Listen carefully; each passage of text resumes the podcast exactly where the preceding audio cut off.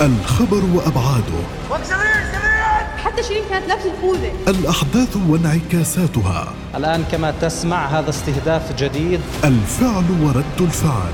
هنا الأوضاع ساخنة ومتوترة جدا. الآراء والتحليلات. وما سيؤول إليه المشهد الأخير. وذلك لقمع الشباب والفلسطينيين. في برنامجكم الخبر. السلام عليكم ورحمة الله وبركاته. أهلا بكم ومساء الخير ومرحبا في هذه الحلقة والإطلالة الجديدة لبرنامج الخبر. هذا البرنامج الإخباري الذي نطل عليكم فيه من أيام السبت من كل أسبوع عند دقات الساعة الثالثة مساء. نناقش فيه الخبر وما وراءه.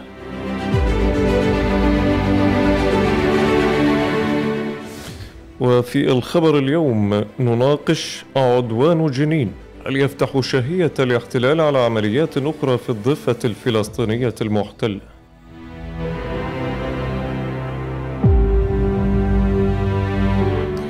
إذا يسدل الستار عن عدوان جنين وملحمة أبطالها التي خلفت 13 شهيدا وأكثر من 100 جريحا ومئات المنازل والمرافق والبنى المدمرة. يزول العدوان بحدثه لكن يبقى بآثاره وتداعياته وتساؤلاته المطروحة.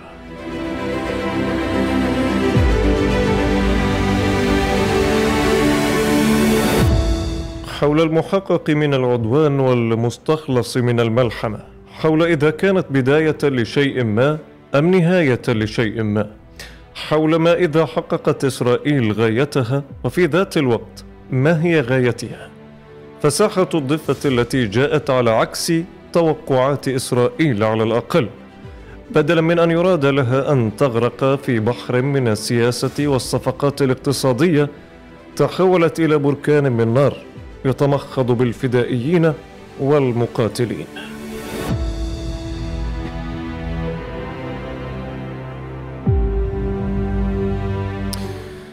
وبدلا من أن تكون كما أريد لها موطئ قدم سهل للمستوطنين ومستقرا آمنا لبؤرهم تحولت لسيف ورصاص يقطع الطريق على جغرافيا جديدة.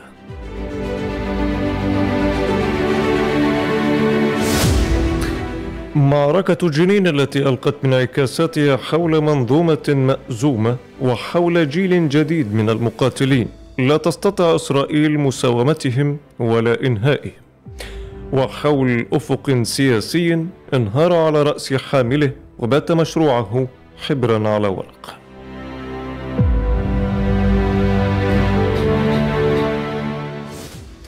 لكن النوايا الإسرائيلية اليوم كما هو مصرح تتجدد لتحويل عدوان جنين مقدمة لعدوانات أخرى.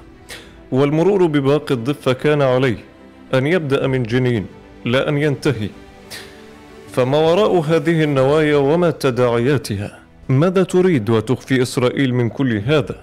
كيف يبدو الميدان بعد واقعة جنين؟ وماذا بشأن المستوى السياسي بأدواته الكثيرة لكن بفعله القليل؟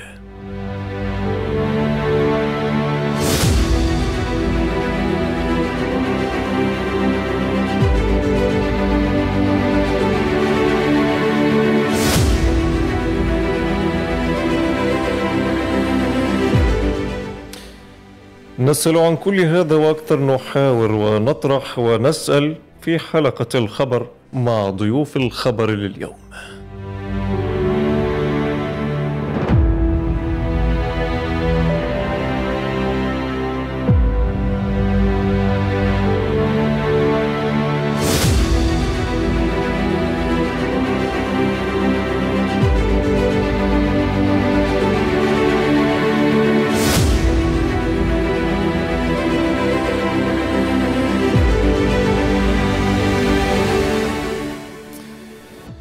إذا نبدأ هذا الحوار ونرحب بالسيد مناضل الحنني عضو القوى الوطنية والإسلامية من نابلس. أهلا بك ومساء الخير سيد مناضل. مساء النور. أهلا وسهلا. إذا سيد مناضل الحديث يعود اليوم مجددا حول نوايا إسرائيلية لاستئناف العمليات العسكرية على مخيمات الضفة على نابلس على وجه التحديد. والحديث عن جنين ما هي إلا مقدمة لعمليات أخرى قد تشن. ما الذي يمكن قراءته من خلال هذه النوايا؟ يعني اولا نعرف جميعا أن هذه الحكومة اليمينيه الفاشية المتطرفة من أولى أهدافها هي محاولة الضغط على الشعب الفلسطيني من خلال هذه العمليات وبكل الأحوال هو يقوم بهذه العمليات شبه يوم لكن يحاول أن يضغط أكثر من خلال وسائل الإعلام العبريه سواء لجيش الاحتلال أو لاي وسائل أخرى انه إنه إحنا سنقوم بعمليات شبيهة بجنين رغم فشل الذريع في جنين وهو أقر بذلك وضباطه اقروا بذلك. وبالتالي الشعب الفلسطيني شعبنا لا يعني لا تمر عليه هذه التصريحات أو هذه التهديدات. الشعب الفلسطيني من حقه أن يدافع عن نفسه. الشعب الفلسطيني صاحب حق وصاحب الأرض وصاحب الوطن.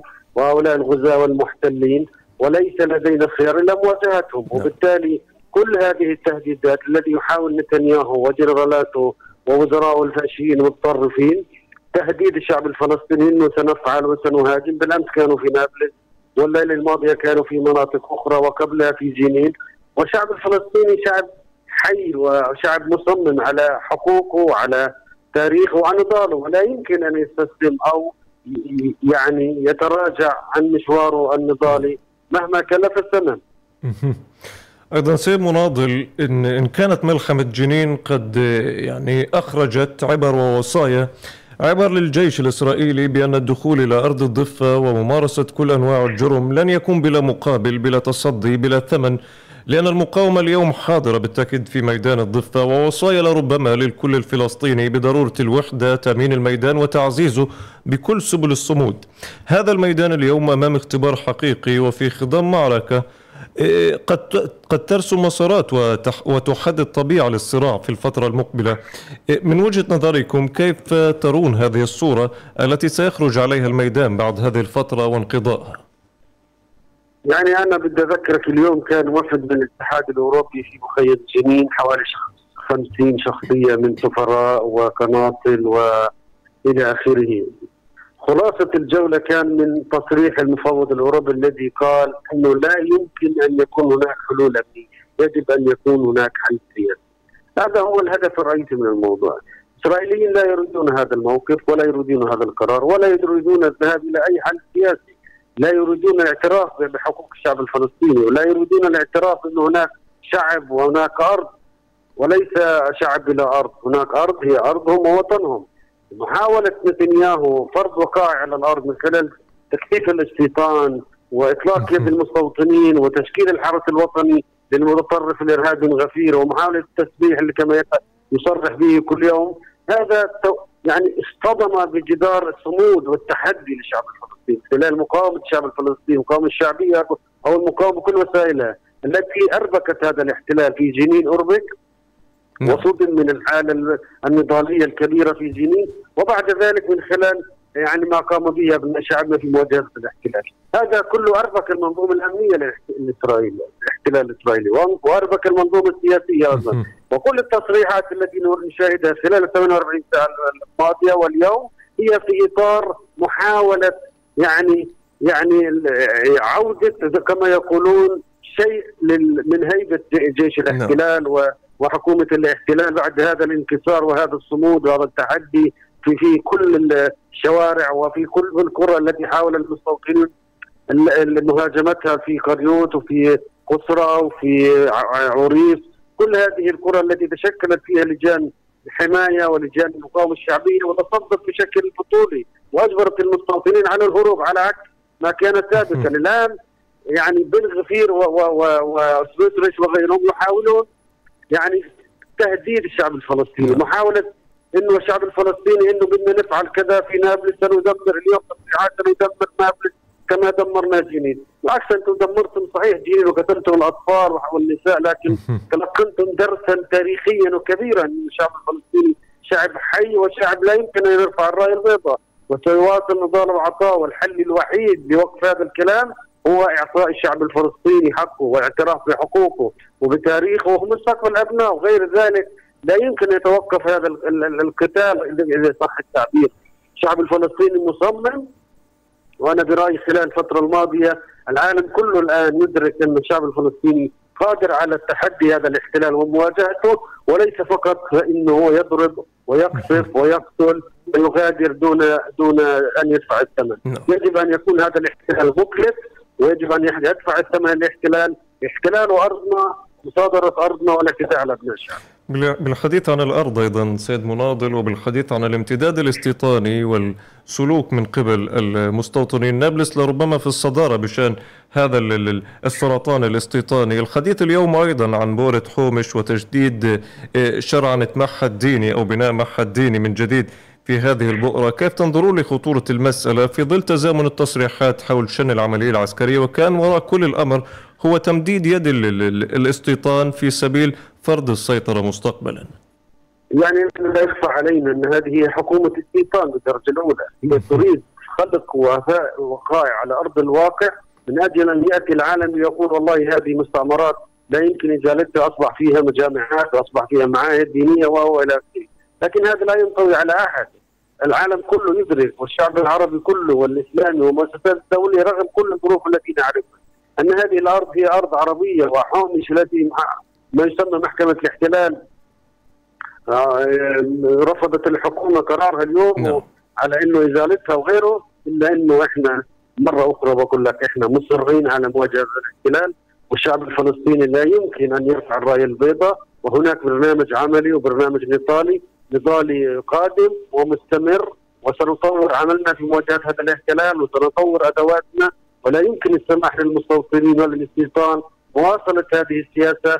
سنواجههم بكل الإمكانيات وبكل الوسائل المتاحة وأنا بقول لك الشعب الفلسطيني والشباب الفلسطيني الآن مدرك تماما أنه قادر على تغيير معادلة.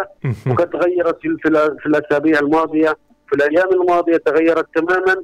والاحتلال الآن هو الذي مربك والاحتلال الآن هو الذي يشعر بالمرارة رغم جبروته ورغم عدوانه والقتل والإجرام كما جرى في نابلس أمس جاء ليرد الاعتبار لجيشه وجنرالاته انه اعدم شابين عزل وادعى لاحقا أنهم كانوا يحملون السلاح وهذا غير صحيح هم عزل يجلسون في ديوان في في نابلس للأسباب التي نعرفها جميعا تم اغتيالهم بدم بارد وبعنجهية وصلف وإجرام غير مسبوق لكنه معهود بهذا الاحتلال بهذه الجرائم وبهذه نعم. التكوين لذلك هم الآن في مأزق وليس نحن. نحن في بيوتنا وفي أرضنا وندافع عن أنفسنا. هم الذين في مأزق.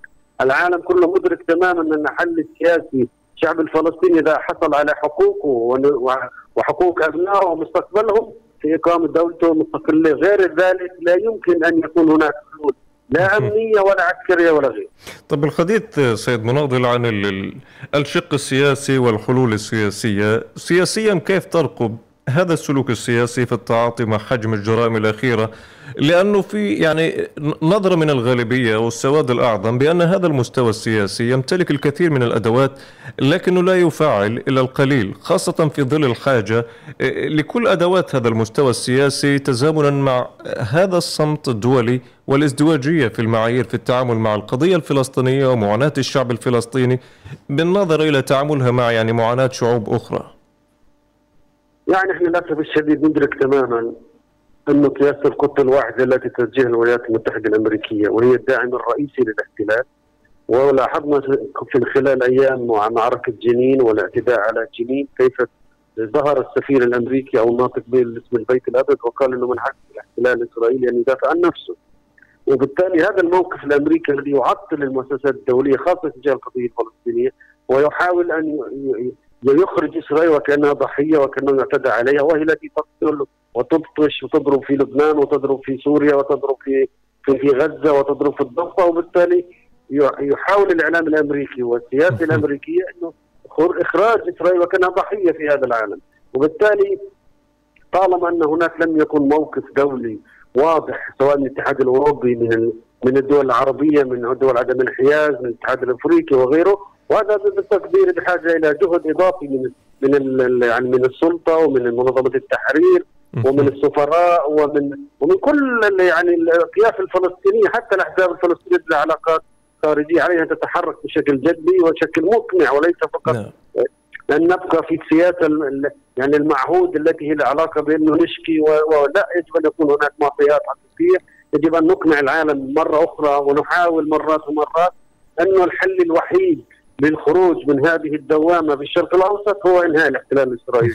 غير ذلك لا يمكن الحديث عن أمن لأحد لا أمن لأحد طالما الشعب الفلسطيني لم يحصل على أمنه واستقراره والحصول على حقوق لكن سيد مناضل آه، بالحديث أيضا عن المستوى السياسي والقيادي لماذا نرى كل طرف يحاول فرض أداة مقاومة أو رؤية موحدة ويرى في نظرته ورؤيته هي الخيار الصحيح ويقصي باقي الخيارات. على سبيل المثال لماذا لا نأخذ نابلس كنموذج آه، تجلى فيها العمل الوحدوي والجمعي؟ نابلس استطاعت المزج بين كافة الأدوات أدوات المقاومة. شاهدناها تقاوم شعبيا في بورة فيتار في بيتا بالسلاح في البلدة القديمة وعرين الأسود سياسيا بلجنة قواها الحية البارزة. هذا النموذج نسل ما الذي يحول دون تبنيه كبرنامج عام للنظام السياسي الفلسطيني ككل. يعني اولا يجب أن يكون واضح تماما أن الحاضنه الشعبية الفلسطينية جاهزة لكل الخيارات. وثبت ذلك بالملموس والواقع خلال الفترة الماضيه وبالتالي أي أحد يستطيع أن يقام الاحتلال بما يراه مناسبا فليتفضل. لا يمكن لأحد أن يضع فيتو على هذا الموضوع. لكن إحنا أيضا كما قلت بحاجة إلى توافق وطني بحاجة إلى تنسيق وطني عالي من أجل أن يكون خطواتنا مدروسة في كل المستويات التي هي بحاجة نحن بحاجة لها في كل موقع سواء في نابلس أو في غير نابلس. نابلس مستهدفة، شمال الضفة مستهدف بشكل أكثر وهذا يشكل خطورة ويشكل ضغط على السكان، نابلس لمن لا يعرف هي محاصرة ببوابات منذ اشهر عديدة، لا يخرج المواطن النابلسي حوالي 400 ألف لا يخرجون أو أكثر لا يخرجون أو يدخلون بنابلس إلا من خلال الجنود والبوابات والحواجز التي نعرفها جميعا. وبالتالي هذا الضغط الذي يحاول إحتلال الإسرائيلي فرضه على نابلس وعلى الشمال الضفه بشكل أساسي هو لادراكه التام أن الواقع اختلف عما سبق، لأن الواقع اختلف لأن هناك جيل من الشباب الفلسطيني لم يعد بإمكانه الصبر أو أن تلقي التعليمات من هنا أو هناك هو بحاجة إلى أن يعيش بكرامة وحرية.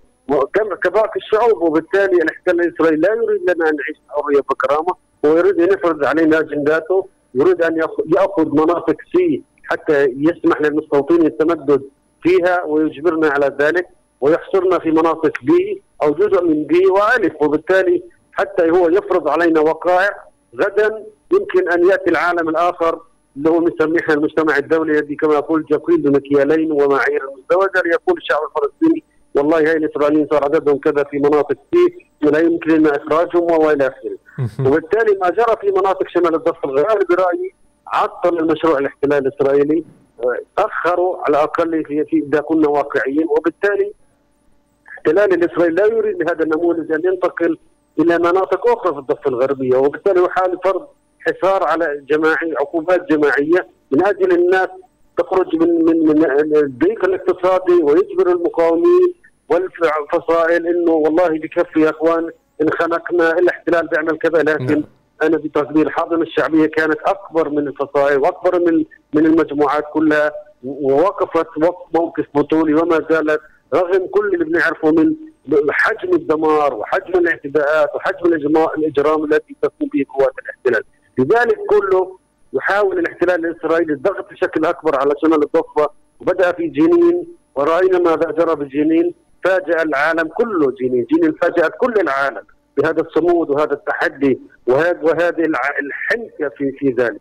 وبالتالي احتلال إسرائيل الآن يحسب الف حساب عندما يريد أن يدخل إلى أي مدينة أو مخيم في الشمال. وهذا هو هذا هو هذه هي العبرة في مقاومة الاحتلال. نعم. عندما نقول يجب أن نكون جاهزين لمقاومة هذا الاحتلال والوقوف في وجه المستوطنين يجب أن نكون ذلك ولكن ليس مجرد كلام نحن بحاجه إلى خطط وبرنامج وتطوير الأدوات حتى يجبر هذا الاحتلال على تغيير سياساته وتغيير خططه وليس بسهولة أن يدخل دون أن يدفع ثمن وليس بلا ثمن هذا الاحتلال يجب أن يستمر يجب أن يدفع ثمن ويكون مكلفا لهذا الاحتلال حتى يعيد حساباته ويعترف بحقوق الشعب الفلسطيني سواء حاليا أو في المستقبل.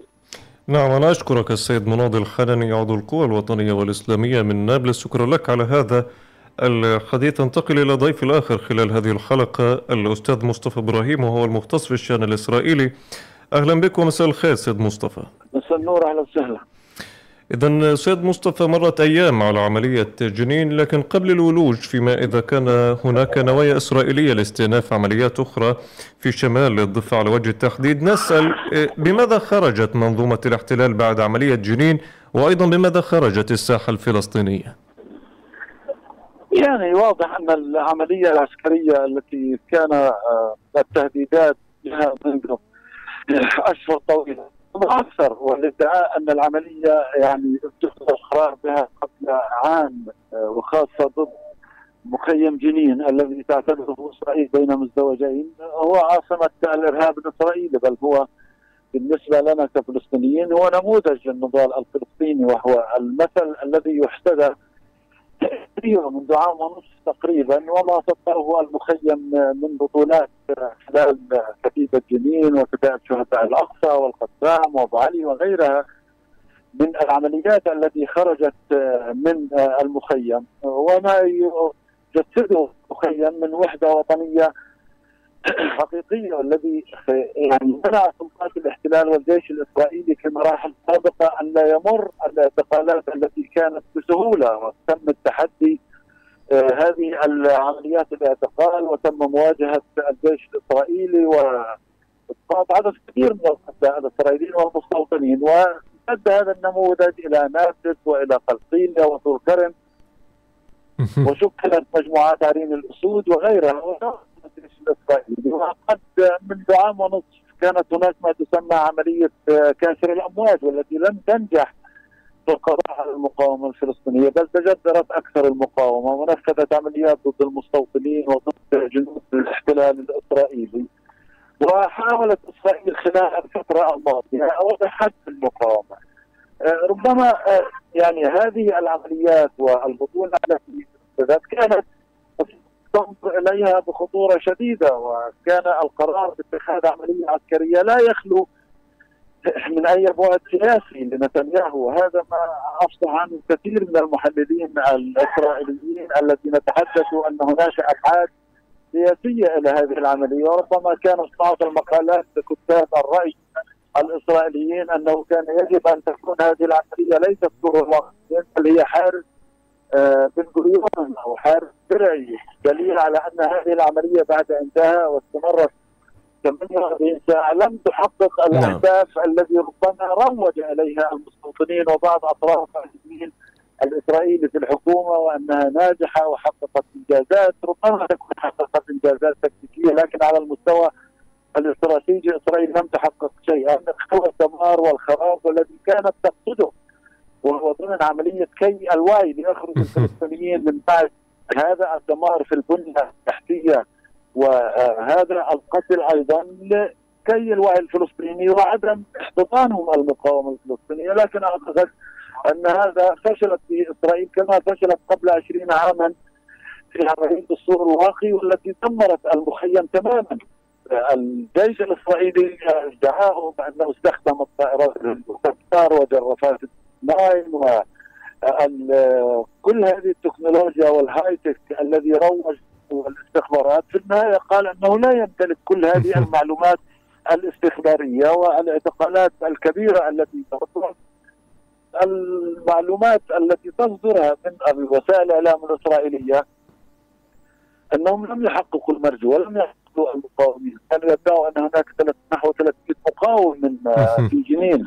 والاعتقالات معظم الذين اعتقلوا خرجوا من السجن نعم. ما يدعون أن هناك 30 من المق... آه، شخص من المقاومة وقد هؤلاء يخرجوا منهم معلومات، إسرائيل الآن هناك نقد شديد من وسائل الإعلام ومن الباحثين حتى والمحللين الإسرائيليين أن كل هذه البروباغندا التي منها إسرائيل بهذه العملية ضد جنين هي لم تحقق الأهداف المرجوة آه، منها. وما هي هذه الأهداف سيد مصطفى؟ أيضا نرفق هذا السؤال بتساؤل حول ما إذا كانت المنظومة ترتئي في عدوان جنين مقدمة لعمليات أخرى قد تشهدها الضفة في المرحلة المقبلة لأنه اليوم التصعيد كبير حول استئناف هذه العمليات والترويج الإعلامي والتركيز الإعلامي اليوم يبدو على نابلس. نعم. يعني كما لا يخلو الموضوع من آه، من من هذا الترويج واستنساخ آه، عمليات عدوانية عسكرية في مناطق أخرى يعني هذا قد يقول على الاسرائيليين أن من ضمن الأهداف الاستراتيجية والتكتيكية أنه أصبح هناك حرية للعمل في جنين بعد هذه العملية العدوانية والدمار الكبير الذي حدث. وهذا ما يروجون له وربما بالأمس كانت هناك عملية خاطفة ربما في نابلس ومفاجاه باغتيال اثنين من الشهداء. يعني هذا متوقع وهو يأتي أيضا في سياق ما تقوم به آه عملية كسر الأمواج والتي لم يعلن بالمناسبة عن انتهائها. وداء هذه العملية انها كما ذكرت في السابق بدعم آه سياسي ولاهداف سياسيه لنتنياهو وما يواجهه من أزمات سياسية داخلية بالرغم من إجماع يهودي هناك على ضرب الفلسطينيين على أن هذه العملية مستحقة لكن الأهداف السياسية واضحة بانه يعني اطلاق المستوطنين بالاستمرار بالمستوطنات لكن كانت المفاجأة لهم أنه جرت يعني عمليتين بعد اقتحام جنين أو العملية العسكرية. و نهاية العملية سقط بها جندي إسرائيلي والحديث عن سقوط جندي مع انتهاء العملية. هذا دليل فشل العملية. صحيح. العسكرية وأنها لم تحقق ما تريد كانت أو ما ترغب به. إذا أعتقد أن إسرائيل ستستمر بهذا النهج لكن هذا أيضا مرتبط بالمقاومة الفلسطينية بقدرتها بإمكاناتها على الصمود وعلى مواجهة هذه الآلة العسكرية الرهيبة التي تسليمها واستخدمت في جنين وتستخدم منذ عام ونصف. بتستخدم في جنين في غزه في كل المدن الفلسطينيه. نعم. أيضا سيد مصطفى نسأل حول ما يكتب بعض المحللين ويصرح به ساسة إسرائيليين بأن هذه العمليات أيضا تهدف لتعزيز قوة السلطة الفلسطينية على الأرض لأنه في نظر إسرائيل آه، السلطة الفلسطينية فشلت في السيطرة على تلك المخيمات. آه، لا نسأل إذا كانت السلطة آه، يعني أداة وظيفية للاحتلال أم لا. طبعا يعني هذا سؤال مستبعد لكن نسأل من المسؤول عن وضع السلطة اليوم في هذه الصورة النمطية؟ هل السلطة بحد ذاتها أم قوة الماكنة الإعلامية الإسرائيلية؟ كان السلطه ضعيفه ضعيفه صحيح هناك غضب فلسطيني داخلي شديد ضد السلطه الوطنيه الفلسطينيه وضد. الأجهزة الأمنية الفلسطينيه بالرغم أن هناك أبطال من الأجهزة الأمنية من نفذوا عمليات وأيضا هناك أفراد من فتح ضمن سواء كان مجمع قائد الأقصى التي حلت رسميا من قبل الرئيس نعم. أبو مازن على أثر الانقسام لكن هذا لا يمنع شباب فتح أن يعملوا جنبا إلى جنب مع كتيبة جنين وباقي الفصائل في الضفه راينا عرين الأسود؟ أنها كثير منها من شباب فتح من كانوا يشاركوا في العمليات وما زالوا وفصائل أخرى. إسرائيل هي من تضعف السلطة الوطنية وتقوضها. وللأسف هي تريد سلطة كوكيل وليس كسلطة تعمل على يعني الحكم وسيادة القانون وللأسف السلطه أيضا أضعفت نفسها نعم. من خلال عدم احترامها لسياده القانون عدم على المقاومة الفلسطينية في زمن الراحل أبو عمار أبو عمار يعني أصر على أن يذهب بعد المجزرة في العام 2002 إلى جنين وقال إن هذه وكان التف كل حول الشعب الفلسطيني ودعم وشكل حمايه المقاومة الآن لا السلطه الفلسطينية ولا القياده الفلسطينيه شكلت في يوم من الأيام منذ عام ونصف على نقول وليس في السابق وكل هذا القتل وهذه الطاقة الحيوية والجبارة لدى الفلسطينيين بمقاومة الاحتلال والشعار الاستيطاني في ظل حكومة يمينية متطرفة صحيح أن هذا هو جزء كان ولا يزال من الحكومات الإسرائيلية المتعاقبة لكن هذه هذه الحكومة تسارع البناء الاستيطاني ولا توجد مواجهة حقيقية باستثناء ما نذهب به دبلوماسيا على المستوى الدولي وعلى المؤسسات الحقوقية لكن هناك آه، ازدواجية للمعايير في العلاقة مع الفلسطينيين. رأينا أوكرانيا يحدث بها وماذا يحدث لدينا. يعني كل ذلك يدفع السلطة إلى العودة إلى الأصول. اجتماع القيادة الذي حدث في اليوم الأول من العملية مساء. الحديث عن قطع العلاقه مع إسرائيل في التوفيق المسؤولين الإسرائيليين صحيح أنه ليس كل ما يروج في الإعلام الإسرائيلي صحيحا لكن هناك كثير منه صحيحا. ورأينا أيضا الحديث وسائل الإعلام التي تحدثتم عنها أن آه، كانت ادخالات لبعض المقاومين اثناء اجتياح جنين وهذا الغرض الفلسطيني حتى وهو مرفوض من آه، المواجهة الردود التي حدثت على قيادات فتح في الشيعة الجنازات هذا يعبر عن غضب الفلسطينيين تجاه السلطة وتجاه القيادة في فتح وهذا ليس مقصود به. يكون هناك فتنة يا سيدي هناك غضب كان وهناك كانت القلوب ممتلئة والصدور. فلا تقابل بهذه القضية بردود فعل عنيفة والتحريض التكفير والضرب في ظل وقت. بحاجة الشعب الفلسطيني ينظر إلى ما يجري أنه لا يوجد هناك انقسام في الساحة الميدانيه في الميدان في جنين في نابلس وكل هذه الوحدة خلف المقاومة. هذا يعبر عن قد يكون يعتقد البعض كثير منا أنهم تجاوزوا الانقسام لكن على المستوى السياسي هنا سلطة وهناك سلطة. هذا كله يشجع لإسرائيل. هناك توجه لدى الحكومة الإسرائيلية وليس لدى خاصة وزير الأمن آه، يؤاف جلن. الذي يتحدث عن تقوية السلطة الوطنية الفلسطينية التي يتحدث عن إعادة آه، يعني تقويتها من خلال دعمها بمشاريع اقتصادية, اقتصادية من خلال الموافقة على البدء في أعمال حقل غاز مرين في البحر مقابل شاطئ غزة لكن هل هذا حقيقي؟ هناك بعض وسائل الاعلام التي تتحدث عن المنطقة الصناعية في ترقوميا والذي هي منذ العام 2007 تم الاتفاق نعم. على أن تجرى، لكن إسرائيل هي من تطور بوجود سموتريتش وبن جفير ونتنياهو الأخطر من كل هؤلاء، هم يريدوا كل ذلك لزيادة البناء الاستيطاني بناء المشروع الاستيطاني بعد كل خلف عملية تكون هناك آلاف الوحدات السكنية. بعد كل عملية هناك يعني الهجوم الذي آه، حصل أكثر من مرة والمذابح في آه، حوارة في أم الصفا في كثير من القرى الفلسطينية التي تتعرض يوميا للتدمير والحرق و ملاحقة المزارعين وتكسير وقطع الأشجار كل هذه جرائم ترتكب وهذا بحاجة من السلطة أن تغير من منهجها، أن تغير من سياساتها.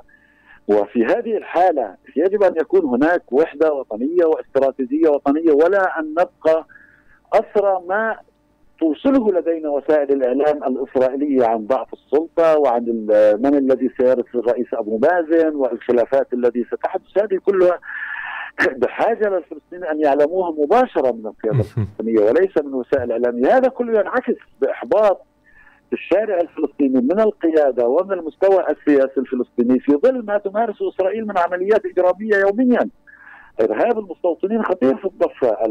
الاستيطان يتمدد بشكل خطير. نعم. خطة سموترش ما تسمى خطة الحسم آه هذه هي آه كل هذا ما يجري من هو مرتبط متساويان. هؤلاء خطان متساويان. تقوم به الحكومة الإسرائيلية اليمينية هذه من أجل قتل الفلسطينيين. منعهم من الاستمرار في المقاومة. وهذا ما حصل في جنين. هو أيضا من أجل تمرير المشروع الاستعماري الاستيطاني ببناء المزيد من المستوطنات.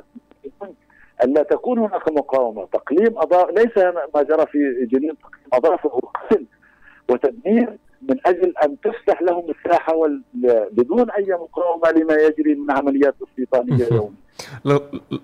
لربما سيد مصطفى الاستراتيجية الأكبر مثل ما تفضلت هي الامتداد الاستيطاني تقسيم الأرض وتطبيق خطة الحسم التي ينظر اليوم لسموتريتش كرائد في هذه الخطة. لكن بجانب هذه الاستراتيجية الكبيرة دوما ما يتراود الحديث حول أهداف جانبية يستفيد منها بنيامين نتنياهو وهو الرؤية في أن الساحة الفلسطينية لربما مخرج خلفي أو هروب للأمام من أزماته الداخلية. يتراود كثيرا هذا الحديث نسألك هل وكيف يستفيد نتنياهو من توتر الوضع الفلسطيني في لحلحة الأزمات الداخلية المرتبطة بالقضية القضائية والتي لربما أيضا في سيطرة نتنياهو على أداة القضاء يبقى موقفه أقوى أو يكون أقوى في سيطرته على الأرض الفلسطينية بعيدا عن التدخل القضائي والمحاكم يعني دعنا أيضا لا ننظر إلى القضاء آه، الإسرائيلي أنه منصف لنا، صحيح. القضاء الإسرائيلي هو جزء نعم. من عملية الاحتلال، يعني أنت رأيت آه، ماذا جرى أول أمس أو الأسبوع الماضي في قضية الشهيد إياد الحلاق من ذوي الإعاقة الذي قتله جندي إسرائيلي؟ وبرأته المحكمة. هذا هو القضاء الإسرائيلي أن هناك كان بعض الحالات الاستثنائية أن المحكمة العليا قد حكمت للفلسطينيين لكن القضاء سواء المحكمة العليا أو القضاء العسكري في الضفة الغربية وهذه القرارات التي تصدر من الإدارة المدنية واطلاق يد سموتريتش لأنه أصبح يتخذ كونه وزيرا للأمن في وزارة الأمن إضافة إلى أنه وزير المالية اتخذ قرار بناء استيطاني ومنح رخص بدون الرجوع إلى المستوى السياسي.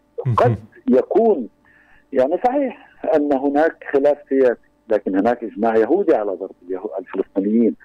هناك إجماع يهودي على الإقتحامات والعمليات العسكرية إلا قلة قليلة ممن يطلقون على أنفسهم اليسار الراديكالي أو كتلة مناهضة الاحتلال الإسرائيلي لكن أي عملية سياسية إسرائيلية وجميع الحكومات المتعاقبة عملية عسكرية كانت تصاحبها بأهداف سياسية خاصة.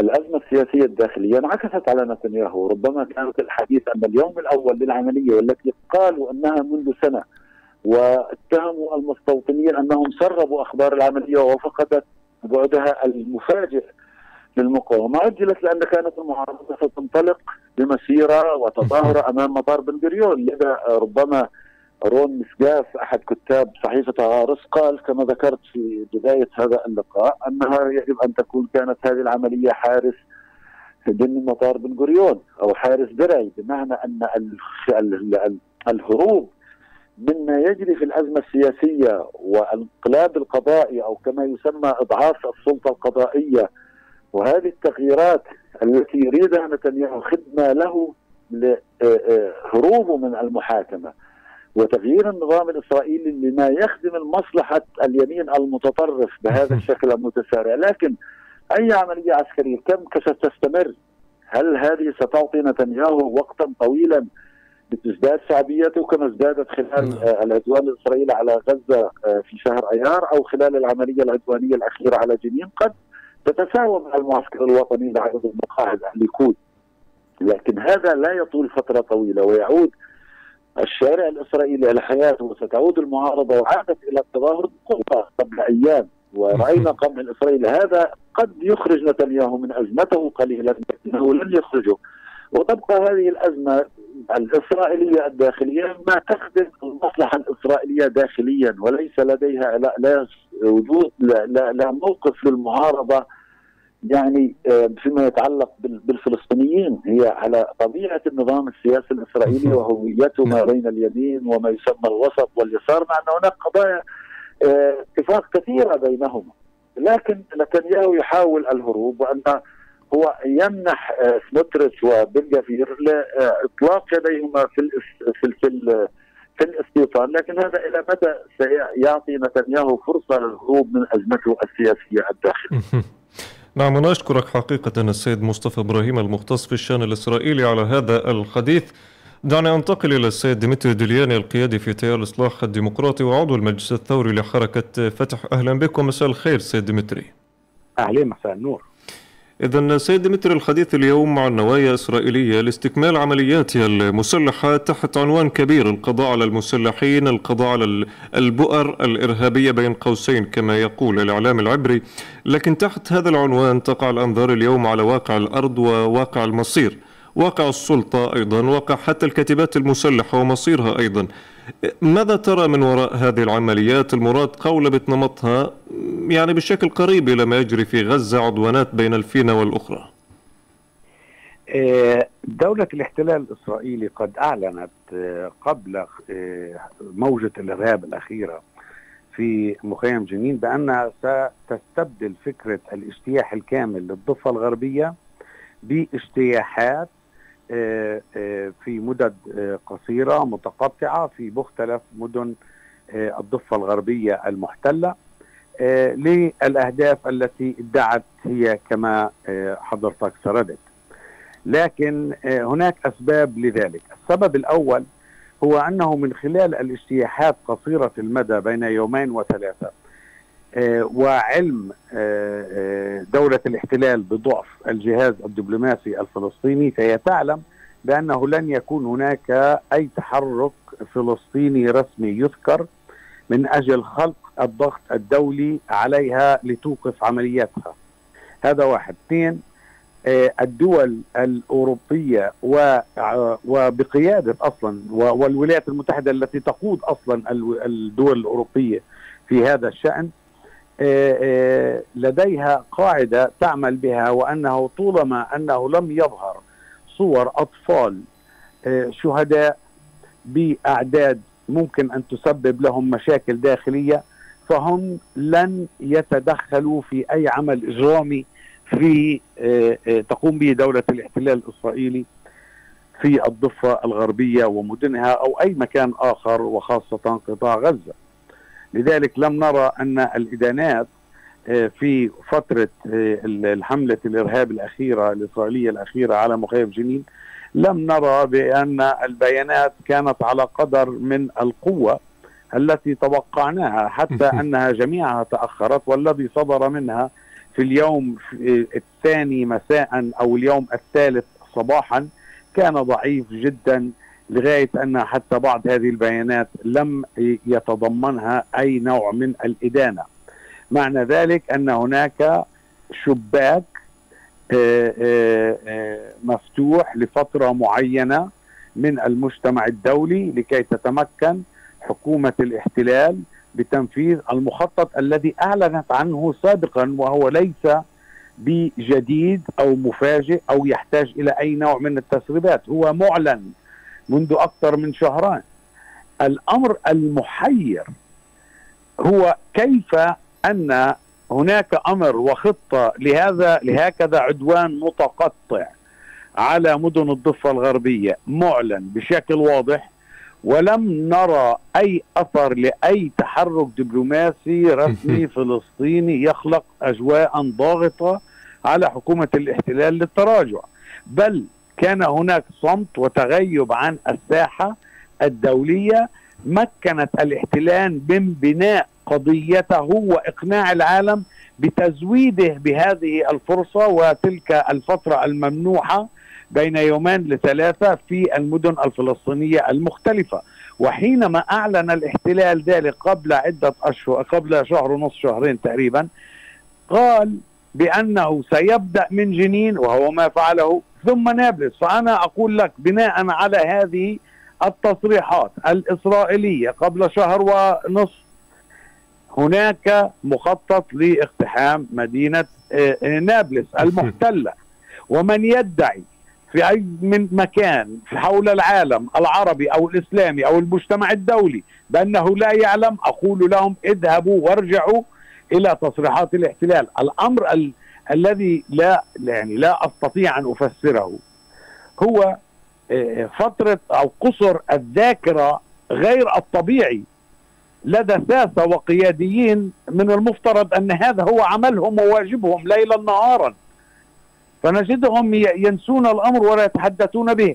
الجهة الوحيدة التي تتحدث ليلا نهارا على الاعتداءات الإسرائيلية وهناك حملة دولية مستمرة منذ بداية هذا العام آه، آه، تنبه من وتراقب وتنقل للعالم ما يقوم به الاحتلال الإسرائيلي في الأراضي الفلسطينية بشطريها سواء الضفة الغربية وعلى راسها القدس أو في قطاع غزة هو التيار الإصلاح الديمقراطي في حركة فتح الذي هو أصبح الناقل للصورة والمحرك للدبلوماسية بالرغم من أنه ليس الجهه الرسميه يعني نحن هناك صحيح. وزارة خارجية مصدر صرف كبير لموازنة السلطة وترى بأن آه، مؤسسات مجتمع مدني أو أو التيار أو مؤسسات مجتمع مدني أو غيره تقوم بهذه الأعمال من باب الدبلوماسية الشعبية. آه، فأنا من من من محطة الراديو عندكم أذكر الناس بما صرح به ليس فقط أعضاء في الكنيسة بل وزراء في الحكومة ومن خلال بيانات رسمية ومن على منبر الكنيسة. الذي نرصده ونتابعه ولا أدري لماذا الجهات الرسمية لا تفعل الشيء ذاته فهو سهل جدا. عليها أن تنظر ماذا يقولون وماذا يقررون وماذا وما هي التحركات على الأرض. نعم. من السهل أن تحمي أبناء شعبك لأنه في نهاية المطاف هي ليست للتذاكي. ولا نقول هذا بأننا نعلم نحن لا نعلم إلا من خلال المعلومات المتاحة للجميع. صحيح. لكن كيف نوظف هذه المعلومات؟ آه، الموجودة أمامنا ونعلم بأن نابلس على الطريق بحكم أنهم قالوا ذلك واعترفوا به وأعلنوه وليس سرا ما الذي سنفعله لنحمي أبنائنا؟ خاصة وأن هناك من يدعي وثبت بطلان ذلك يعني لكن من ما زال يدعي أن التنسيق الأمني مع الاحتلال قد توقف. وهذه طبعا وتم تم نفيه رسميا حتى نعم تم نفيه رسميا من من قبل الجيش والمنظومة الإسرائيلية. لكن بالحديث عند هذه النقطة سيد ديمتري يعني ينشط الحديث اليوم في الإعلام العبري بأن الهدف من هذه العمليات ليس بسط السيادة الإسرائيلية لكن لتقوية السلطة الفلسطينية ويروج أيضا لأنه في ثمن تسهيلات اقتصادية إلى غير ذلك. هذا يعني يضع محط تساؤلات كثيرة أبرزها أن هل هذه صفقة تعرض من قبل إسرائيل للسلطة أم هي مشروع مطبق وجاري أو تم الاتفاق عليه؟ يا أخي العزيز حكومة الاحتلال باعتراف مرة أخرى باعتراف وزرائها الأقوياء النافذين المتحكمين بمجريات الأمور هم لا يعترفوا بوجود شعب فلسطيني أصلا. يعني هم خرجوا نعم. إلى الإعلام يقول لا يعترفوا بوجود شعب فلسطيني. فما الذي يعتقد أي مجنون في الدنيا أن يعتقد بأن هؤلاء يعترفون بالسلطة أو يقومون أي وزنا للسلطة أو يرون السلطة أكثر من أنها آه، آه، عامل مساعد في المجال الأمني فقط لا غير. وأتحدث عن السلطتان هنا أتحدث عن الضفة وغزة. هم لا يعترفون بوجود الشعب كله. فهل تظن أنهم سيعترفون بمكانة أي سلطة كانت؟ نحن خرجنا من هذه الدائرة وإذا نظر وإذا اعتقدنا بأن هناك سلام اقتصادي أو هذه مادة يطرحونها لبعض حلفائهم في الإقليم كمادة للتداول وإلهائنا لأن حلفاء الاحتلال هم أصحاب الحظوة الكبرى في الإعلام الناطق باللغة العربية. هم يرمون هذه العناوين. لكن هل تظن أن الاحتلال بكل ما يفعله في ظل الضعف والتراجع الرسمي الفلسطيني أنه يعطي أي اهتمام لأن يقدم أي شيء حتى لو كان سلاما اقتصاديا؟ بالتأكيد أنه غير وارد. لماذا يعطي سلاما اقتصاديا لماذا يعطي أي شيء؟ لماذا يعني لا يوجد لدى الاحتلال الإسرائيلي ما يردعه سوى شعبنا المقاوم على الأرض هذا الشعب الصامد الذي رحل قدم إليه عشرات المحتلين وذهبوا إلى مزابل التاريخ. هذه العقبة الوحيدة. ليس لدينا أي مستوى سياسي أو عسكري رسمي من ناحية سلطة أو أي شيء ممكن أن يردع الاحتلال سوى شعبنا. لذلك الاحتلال يعلم هذا الأمر. فهو غير مضطر أن يقدم أي شيء. فلماذا يقدم أي شيء؟ وهذا الكلام قلناه عشرات المرات في الدوائر صنع القرار الفلسطيني حينما كنا جزءا من هذه الدوائر. نقول لماذا أحد يمكن لأحد أن يتوقع من نتنياهو أن يقدم أي شيء. ما الذي سيضطره؟ من الذي سيضطره؟ الجواب لا شيء سوى صمود شعبنا الفلسطيني. نعم.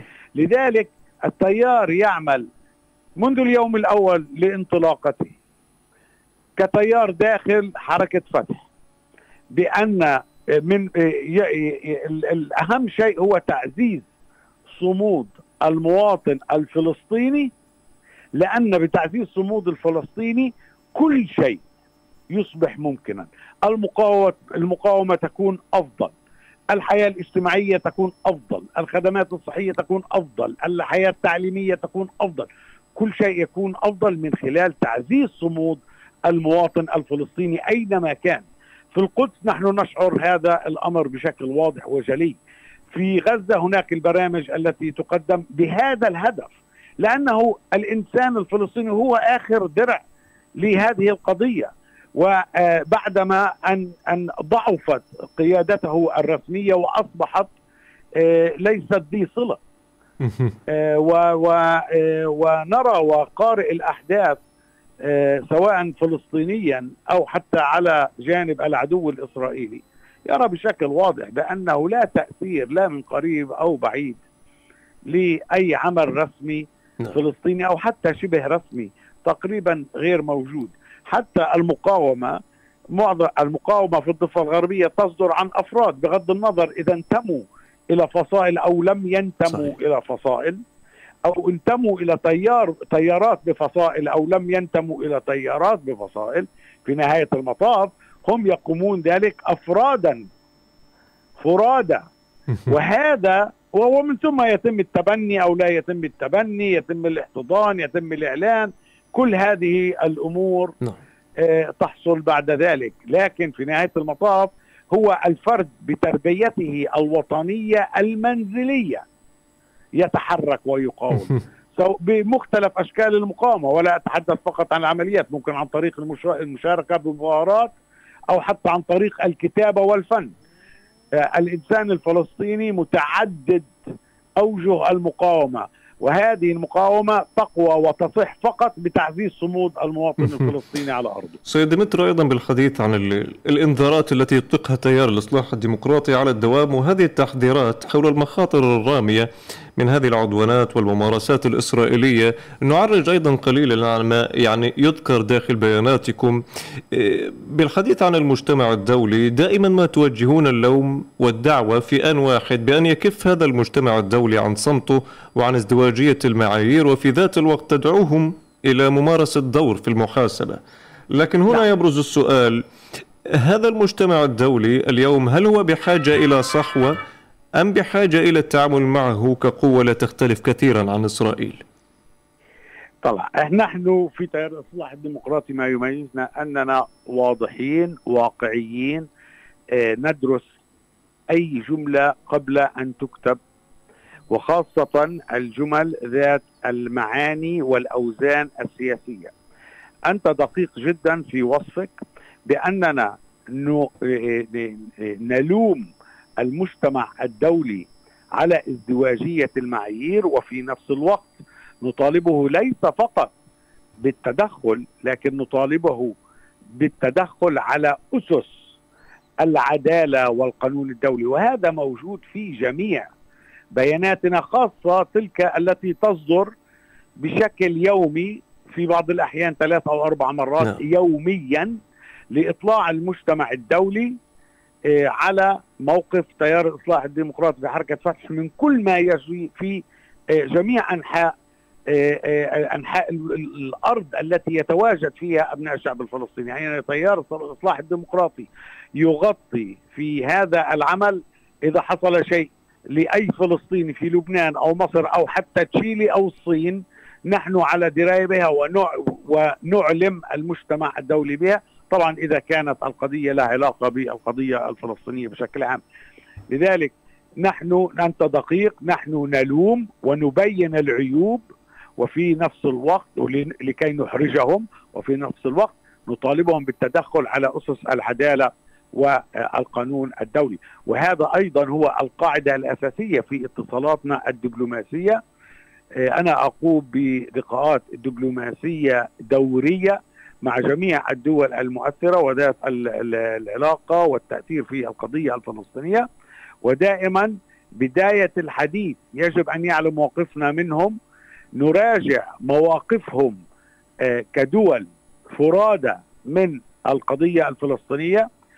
نراجع لهم ما قاله أعضاء في حكومتهم فيما يتعلق بالقضية الفلسطينية. نصحح المعلومات نبدي الاحتجاج ونطرح الحلول. يعني نعطي صورة متكاملة.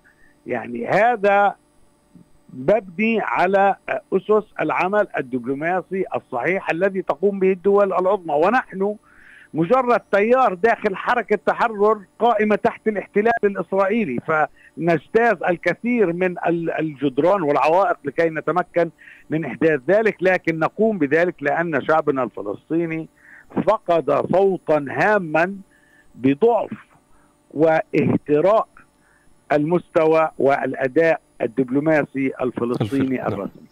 أخيرا سيد ديمتري دعني ان استرق من الوقت الأخير لختام هذه الحلقة وأسأل أيضا حول المبادرات التي أطلقتموها داخل التيار الراميه دوما للوحدة للملمة الصف الوطني، السؤال هنا بماذا تصطدمون في حسابات هؤلاء الأطراف المتنازعة ونسال كيف يبدو الميدان والدماء التي تسيل في حساباتهم؟